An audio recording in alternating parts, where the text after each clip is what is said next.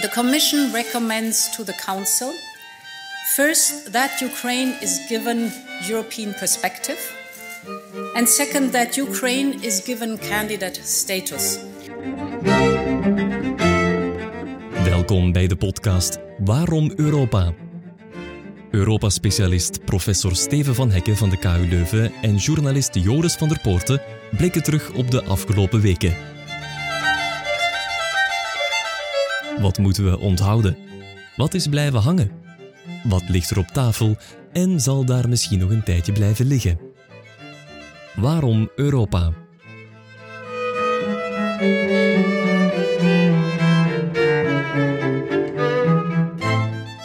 Als we terugblikken op de afgelopen maand, moeten we het deze keer hebben over de Fit for 55.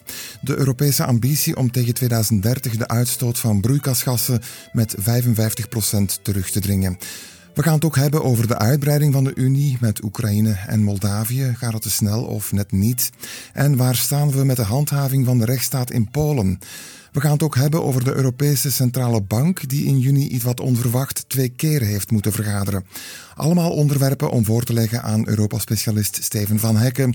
En zoals steeds ook een gast, de Nederlandse christendemocraat Esther de Lange, ondervoorzitter van de EVP-fractie in het Europees Parlement. Dag Steven. Dag Esther. Dag Joris. Esther, mag ik tutoyeren? Jazeker. Oké. Ik zou willen beginnen met een quote van jou. In het Europees Parlement enkele weken geleden een tussenkomst toen er een stemming zou plaatsvinden over het Sociaal Klimaatfonds. Samengevat, een fonds om kwetsbare gezinnen financieel te ondersteunen bij de energietransitie. I would uh, propose on the basis of Rule uh, 200.4 that we postpone the final vote on the Social Climate Fund until hopefully very soon we also have an agreement on ETS. I have the impression that there's a will to resolve this. I also have the impression that the outstanding issues on ETS are more limited than some might think. So let's get to work. Let's keep treating this as a package and postpone the final vote on the Social Climate Fund. Thank you. Ja, je maakte de koppeling met de hervorming van het systeem van de Europese emissiehandel, dat grote industriële spelers verplicht om uitstootrechten te kopen voor iedere ton CO2 die ze lozen. De stemming daarover is toen uitgedraaid op een fiasco, maar achteraf gezien leek je gevoel wel te kloppen, Esther, dat de standpunten eigenlijk niet zo ver uit elkaar lagen, want de nieuwe stemming enkele weken later draaide wel goed uit. Historisch klonk het hier en daar terecht? Ik denk het wel. Dit waren eigenlijk uh, niet twee, maar drie belangrijke wetsvoorstellen van de Europese Commissie. Inderdaad, uh, die emissiehandel, uh, dat sociale klimaatfonds om de sociale impact aan te pa pakken, maar ook het Carbon Border Adjustment Mechanism. Dat is eigenlijk afrekenen bij de grens op het moment dat jij producten naar Europa exporteert um, uit landen waar ze niks aan CO2-beprijzing hebben gedaan. Die drie dingen die horen heel erg bij elkaar. En omdat die ETS, die emissiehandelsstemming uh, op niks uitdraaide, moest ik ook mijn Sociaal Klimaatfonds uh, terugverwijzen tijdelijk. En inderdaad, wij, ik heb mijzelf opgesloten in een inspirerend kamertje in het Europees Parlement een aantal dagen lang met de onderhandelaren van de socialisten en van de liberalen. En uiteindelijk zijn wij met een voorstel gekomen dat een hele brede meerderheid heeft gekregen op al die drie voorstellen. Ja, een aantal afleveringen geleden hadden we het in deze podcast over staal bijvoorbeeld. Als het vuilstaal is, zo werd het genoemd vanuit Azië Azië bijvoorbeeld, dan komt er een heffing om dat ja, concurrentienadeel van Europees staal op te heffen. Zo is het. En uh, op dat onderdeel ging die stemming eigenlijk mis. In de zin van dat uh, met name de andere twee fracties uh, dat nieuwe systeem van die heffing aan de grens heel snel wilden uit, invoeren. Waardoor je ook de vrije rechten die de staal nu krijgt heel snel uitfaseert. En wij zeiden als EVP, eigenlijk vanuit een hele nuchtere houding denk ik, wij willen wel zeker weten dat dat systeem van die grenscorrectie, dat dat werkt. voordat wij die vrije rechten of die gratis rechten gaan opgeven. Want het is nu het enige instrument wat we hebben om te zorgen voor dat level playing field inderdaad voor die staalindustrie. En we, we verwachten veel van industrie. Ze moeten schoner worden. Maar ik heb wel graag dat ze in Europa blijven. Dus dat, dat level playing field vind ik heel, uh, heel belangrijk. Oké, Steven, om nog eens terug te keren op dat moeizame proces toch. Die eerste stemming, ja, die in de soep is gedraaid, is het eigenlijk nogal gebeurd dat belangrijke Europese wetgeving zo stroef tot stand komt? Voor zover ik weet niet, toch niet op die manier, maar tegelijk is het ook weinig verbazend. Zoals Esther daarnet zei, het gaat om een zeer ambitieus pakket aan maatregelen. die eigenlijk uh, de ambities vastleggen tot 2030 en al een voorschot nemen op 2050. Dus het, er ligt heel veel op tafel. Tegelijk weten we dat sinds de verkiezingen van 2019 de EVP en de socialisten geen meerderheid meer onder elkaar hebben. Je moet dan altijd onderhandelen met een derde partner, dat maakt het moeilijk. En tegelijk weten we ook dat natuurlijk de voorstellen die van de Europese Commissie komen, ja, toch meer links, meer groen en progressief zijn dan de feitelijke meerderheid in het parlement. En het is dus niet onlogisch dat er in het parlement een soort correctie plaatsvindt, die wel wat tijd en wat moeite in beslag neemt. Maar met die stemming in het parlement zijn we er nog niet. Nee, inderdaad. Het parlement heeft nu haar onderhandelingsposities vastgelegd voor die verschillende domeinen. Het komt er nu op aan dat de lidstaten dat ook zullen doen. De Fransen zullen wellicht graag hebben dat dat gebeurt nog voor het einde van hun voorzitterschap. Eens dat gebeurd is, kan het parlement met de lidstaten in zogenaamde trialoog gaan en kunnen zij op basis van het voorstel van de commissie en op basis van hun eigen standpunten tot een finale compromis uh, onderhandelen. Zijn klimaatambities te verzoenen met landbouw, Esther? Uh, dat denk ik wel, dat zal wel moeten. Uh, zo simpel is het, waarbij de landbouw dan ook nog eens de enige sector is die niet alleen CO2 uitstoot, maar die ook CO2 kan binden. Uh, dus als we het goed doen in Europa, kunnen ze niet alleen een, een, onderdeel zijn van het probleem op het moment dat er verkeerd geproduceerd wordt, maar ook een onderdeel van de oplossing. Ik, ik vraag dat omdat Europees parlementsvoorzitter Metsola uh, wees op een uitdaging. Ze heeft dat gedaan tijdens de viering van 60 jaar gemeenschappelijk landbouwbeleid. Colleagues, our common agricultural policy has transformed Europe.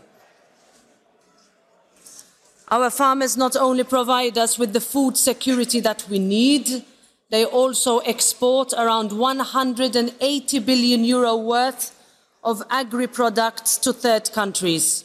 Europe's quality products have helped feed the world. But we must also consider the challenges that lie ahead Only 11% of farm managers in the EU are under the age of 40.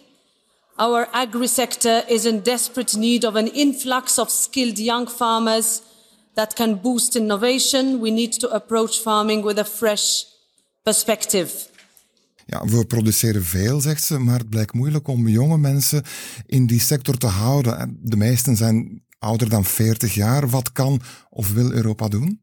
Ja, dat is al heel lang een probleem. Ik denk trouwens dat de cijfers in Nederland, misschien ook wel in Vlaanderen, nog lager liggen dan de cijfers die zij noemt. Dus bij ons is het nog erger gesteld. Uh, ik denk dat het allerbelangrijkste is toekomstperspectief. Uh, en vervolgens met name diegenen die door willen, uh, die weten dat ze misschien niet op dezelfde manier kunnen blijven boeren, maar die wel dat voedsel willen blijven produceren, dat je daar beleid voor maakt. En niet, uh, niet voor degenen die stoppen. Dat is in Vlaanderen een discussie, dat weet ik. Dat is in Nederland ook een hele discussie. We hebben in beide landen een grote uitdaging als het gaat om stikstofverbindingen. Dus we zitten midden in een soms zeer verhit politiek debat. Ja, zowel in Nederland als in Vlaanderen vandaag. Ja, absoluut. En uh, de problematiek is hetzelfde, de aanpak misschien uh, verschillend. Hopelijk kunnen we grensoverschrijdend ook nog wat van elkaar leren. Want Roberta Metsola zegt het heel terecht. Uh, ooit zijn wij niet voor niks als een van de eerste dingen in die Europese gemeenschappen begonnen met voedselzekerheid. Na die oorlog zorgen dat je maag weer gevuld is. En pas als je maag gevuld is, kan je je ook inzetten voor andere sectoren en het opbouwen van die economie. En voedselzekerheid is door de oorlog in Oekraïne weer terug, weer terug op de agenda en daar moeten we over blijven waken. Past in die zogeheten strategische autonomie? Ja, dat is zeker zo. Maar de agenda van strategische autonomie is natuurlijk groter. Men denken we daar in de eerste plaats aan defensie, aan technologie, aan energie. Maar inderdaad, er is ook een belangrijk landbouwluik dat eigenlijk vanuit twee hoeken onder druk komt te staan. Er zijn de klimaatdoelstellingen waaraan de landbouwsector zich zal moeten richten. Maar tegelijk, inderdaad, zoals Esther zei, de oorlog in Oekraïne ja, duwt ons wel met de neus op de feiten dat we moeten opletten uh, dat de landbouwsector natuurlijk ook nog in staat blijft om zelf voor voldoende voedselzekerheid te zorgen binnen de Europese Unie. Dus de verzoening van die verschillende doelstellingen is echt een heel heikele klus waar de Europese Unie van, vandaag mee aan de slag moet.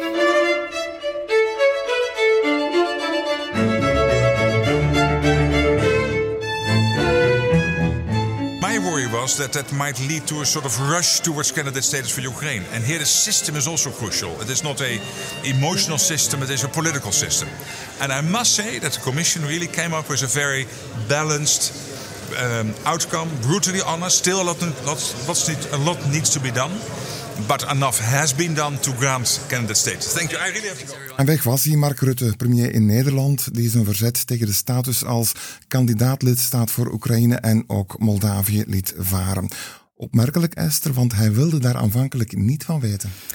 Ik denk dat Rutte niet zozeer een, een heel andere positie had dan bijvoorbeeld Macron, hè, die met zijn politieke unie kwam, of De Croo, die toch ook niet gillend enthousiast stond te applaudisseren. Uh, hij was alleen wat frontaler in zijn opmerkingen daarover. En vaak zeggen wij van ja, Rutte is toch minder een politicus en meer een manager. Op het laatst had hij door van dit gaat gebeuren en hij managede de situatie. Ik ben daar wel vrij kritisch over, want het betekent dat je in Nederland dus een flinterdun Europa-debat hebt. Hè? Uh, je eigen premier is heel vaak bezig met wat wil ik voorkomen, wat wil ik niet. Geeft heel weinig aan wat hij dan wel wil. Um, ja, waardoor je eigenlijk de diepte uh, in het debat uh, mist. Wat verwacht je van de publieke opinie in Nederland? Nu Oekraïne kandidaat lidstaat is. Het is nog maar zes jaar geleden hè, dat er een referendum is geweest over dat associatieverdrag, ook met Oekraïne, toen uitgedraaid op een meerderheid van nee-stemmers, een overwinning van Europa-twijfelaars, werd er toen gezegd? Uh, ik zat in mijn beginjaren in het Europees Parlement, uh, zat ik als de lange naast Jean-Luc Dehane. Uh, wijle Jean-Luc Dehane. En Jean-Luc zei altijd tegen mij, bij een referendum krijg je een antwoord op een vraag die je niet hebt gesteld.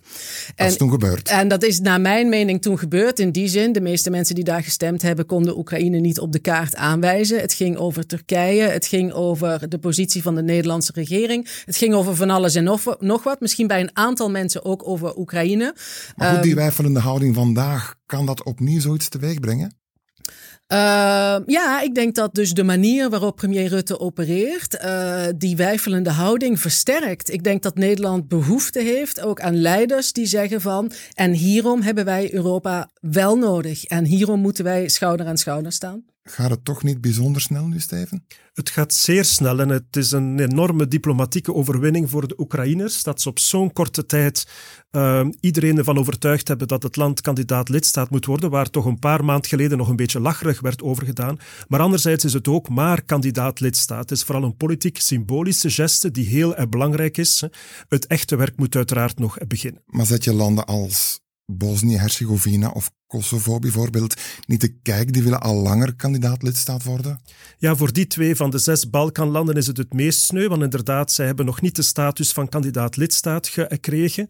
Nu, de Europese Unie beseft dat wel. De staatsover- en regeringsleiders hebben ook een aparte westelijke Balkantop georganiseerd. Ze gaan er ook nog op terugkomen de komende weken en maanden. Dus ik vermoed dat er zeker ook in de richting van de andere landen nog een geste zal gebeuren. Hebben Macron, Scholz en Draghi druk gezet toch met hun bezoek aan Kiev enkele weken geleden?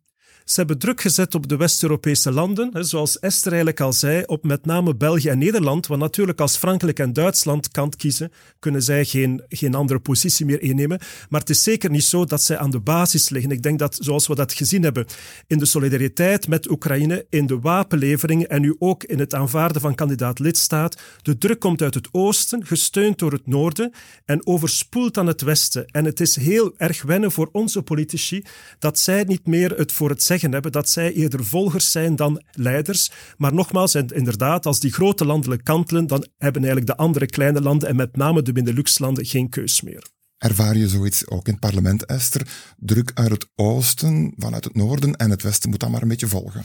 Ja, je zegt het een beetje negatief, maar laat ik, het, laat ik mijn eigen ervaring geven. Um, uh, de collega's uit de Baltische Staten, uit Polen, uit Oost-Europa, die zeggen al jarenlang, uh, zeker na de bezetting van de Krim, um, this is not it. Putin will continue. En dat hoorde je keer op keer. En op het moment dat dat dus daadwerkelijk gebeurde op 24 uh, februari, was het I told you so. Uh, dus ik denk dat wij in het Westen ook heel lang de dreiging niet, niet onder ogen hebben gezien of niet onder ogen hebben willen zien. Uh, en dus waren die Afhankelijk waren van gas en olie uit Rusland. Ook dat, maar misschien dat het nog wel breder was. We zijn fysiek ook ver weg. We kijken, zegt mijn collega uit Portugal dan, we kijken misschien te veel de andere kant op. Atlantisch gezien, en te weinig naar wat er uh, in het oosten gebeurt. Um, feit is dat de Oost-Europese collega's gelijk hadden. Dus ik vind niet dat zij nu ja, dominerend zijn aan ons dwingen om een bepaalde kant op te gaan. Ik denk dat het inzicht eindelijk gearriveerd is aan onze kant van Europa. Ja, nu over het oosten gesproken. Er is nog een land uh, waar het erop lijkt dat de oorlog in Oekraïne een bijzondere impact heeft gehad op de manier waarop we naar dat land dan kijken. Hè. We horen commissievoorzitter von der Leyen tijdens haar bezoek aan Polen begin juni. I want to thank the Polish people from the bottom of my heart for their outstanding generosity. History will not forget their solidarity. You have welcomed more than three and a half million refugees with open arms. You opened your houses and your hearts. And this is a shining example to the whole world. Ja, en een beetje verderop in de toespraak maakt von der Leyen bekend dat de commissie het Poolse herstelplan goedkeurt en het land aanspraak kan maken op miljarden uit het corona-herstelfonds. Opvallend, Steven, in vorige afleveringen van onze podcast spraken we al vaker over de problemen met de rechtsstaat in Polen. Is nu allemaal vergeven en vergeten? Nee, helemaal niet. Maar het was inderdaad een interessante beslissing. Meestal weten we niet wat er in de schoot van de Europese Commissie wordt beslist. Maar nu wisten we toch dat een aantal vicevoorzitters, en die van de minste, het eigenlijk niet eens waren. Ik denk dat er inderdaad twee visies zijn. Voor sommigen is het glas half leeg en hebben de Polen nog heel wat te bewijzen. Maar het was duidelijk dat voor, Ursula en von der Leyen het glas half vol was. Toch minstens voor het pakket van het herstelfonds in haar geheel. Maar anderzijds moet het natuurlijk nog bekeken worden, eens de onderdelen daar liggen, met allemaal specifieke targets en, milestones. Daar moet de commissie nog over gaan, daar moeten de lidstaten over gaan. Eigenlijk hebben de Polen nu een soort algemeen fiat, maar het is nog niet zo dat ze natuurlijk al het geld nu maar voor het uh, grijpen hebben. Ja, Esther, toen het Europees Hof in Luxemburg in februari het licht op groen zette om lidstaten financieel te straffen als ze de rechtsstaat uithollen, is onder meer door jullie fractie, de EVP, gevraagd dat de commissie snel actie zou ondernemen tegen Hongarije, maar ook tegen Polen. Wat denk je nu als je de commissie bezig hoort?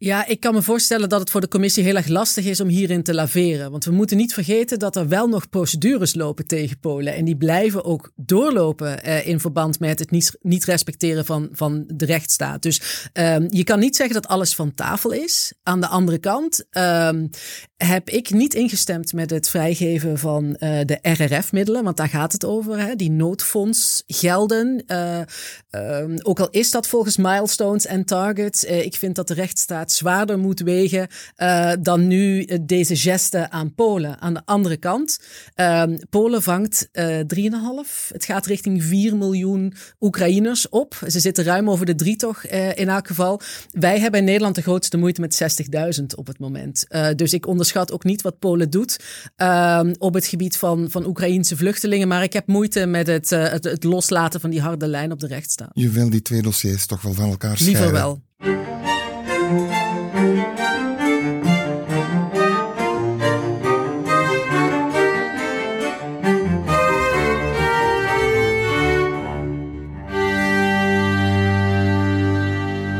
In line with our policy sequencing, we intend to raise the key ECB interest rates by 25 basis points at our July monetary policy meeting. Looking further ahead, we expect to raise the key ECB interest rates again in September. The calibration of this rate increase will depend on the updated medium-term inflation outlook. Ja, dat was Christine Lagarde, voorzitter van de Europese Centrale Bank, over de piekende inflatie na de vergadering van de ECB, waarin voor het eerst in elf jaar een renteverhoging in het vooruitzicht is gesteld. En dat werd ook al historisch genoemd, Steven. Ja, klopt. Maar we voelden natuurlijk al een hele tijd aankomen hè, dat er iets moest gebeuren vanuit Frankfurt. Het verwijt was trouwens dat de signalen te laat werden opgepikt. De Fed heeft al uh, haar interestvoeten verhoogd. Er zijn al heel wat signalen geweest. Dus het, het was eerder verbazingwekkend dat het zo lang heeft geduurd vooraleer inderdaad Christine Lagarde de renteverhoging voor jullie heeft aangekondigd. Ja, is de ECB te laat begonnen aan die inhaalrace tegen inflatie, Esther? Ja, de gemiddelde Nederlandse politica die zegt, of politicus die zegt hier toch op uh, too little too late. Uh, toen het werd aangekondigd was het bij ons toch vooral een hè, hè eindelijk. maar je zag dat de, dat, dat de centrale bank daarna meteen werd geconfronteerd met die spread, hè, dus die, die verschillen in rentevoeten tussen een aantal lidstaten en daar ook weer op moest reageren. Dus, Wat ze ook heeft gedaan, hè. dan kwam er een spoedvergadering. Toen heeft ze wel adequaat en snel gereageerd? toen heeft ze wel adequaat en snel gereageerd, maar je ziet dat er dus eigenlijk verschillende belangen zijn die zo'n zo'n voorzitter van die ECB eigenlijk in, in, in één beleid bij elkaar moet gaan brengen. Kijk, en het onderliggende probleem is natuurlijk nog steeds dat wij wel heel veel uh, verlangen van de Europese Centrale Bank. We kijken heel veel naar het monetaire beleid om onze economische problemen op te lossen. Uh, ook omdat we andere, misschien nog moeilijkere discussies uh, liever niet hebben. Ze heeft beleid voor één munt, waarbij heel veel nationale regeringen dat beleid moeten vertalen. Dat is toch wel bijzonder moeilijk dan. Natuurlijk is dat bijzonder moeilijk. En je moet ook eerlijk zijn, in de beginjaren van Mario Draghi, nou die was nog bijna Duitser uh, dan de Duitsers, uh, deed dingen die wij in de Benelux eigenlijk helemaal prima vonden. Uh, en, en later waren er andere maatregelen nodig vanuit die eurozone, dus niet vanuit één lidstaat gedacht. Maar wat ik bedoelde meer is het feit dat wij ja, het politiek bijna niet hebben over het feit dat waar Italië nu mee geconfronteerd wordt, dat is eigenlijk een schuld uit het verleden. Het begrotingsbeleid van Italië is de afgelopen jaren heel verantwoordelijk geweest. En wat moet je dan doen? Moet je iets aan die schuld gaan doen? Moet je het Stabiliteits- en Groeipact uh, anders gaan vormgeven? Dat zijn allemaal hele moeilijke, hele onpopulaire discussies, zeker in mijn lidstaat. Maar je moet ze wel voeren, uh, want anders blijf je maar naar die arme Christine Lagarde kijken, die dat ook niet in haar eentje kan. Ja, want niet alleen monetair. Nee, want de ECB heeft gezegd, ja, die leningen die terugbetaald zijn, die gaan we gebruiken, leningen van sterke eurolanden bedoel ik, die gaan we gebruiken om zwakkere eurolanden te gaan financieren. En in het verleden is in landen als Duitsland, maar ook Nederland, ja, al kritiek geweest hè, op, op die politiek. Komt die kritiek terug, denk je? Ik denk dat de grootste kritiek met name nu toch zit op de, op de inflatie en wat, wat dat uh, betekent voor wat er met de rente moet gebeuren. Dat is echt als, als Nederlandse spaarder, Nederlands pensioenfonds, zijn dat toch de belangrijkste dingen uh, waarnaar gekeken wordt. Dus uh, dat is prioriteit nummer één in die, in die discussie. Maar mijn cri de is eigenlijk van beperk het nou niet tot dat soort discussies, maar ga ook die diepere discussie aan, want dat is eigenlijk nog relevanter voor de toekomst van Europa. En dat is een discussie die ook bij ons in België moeilijk gezien onze ook wel historisch hoge schuldgraad.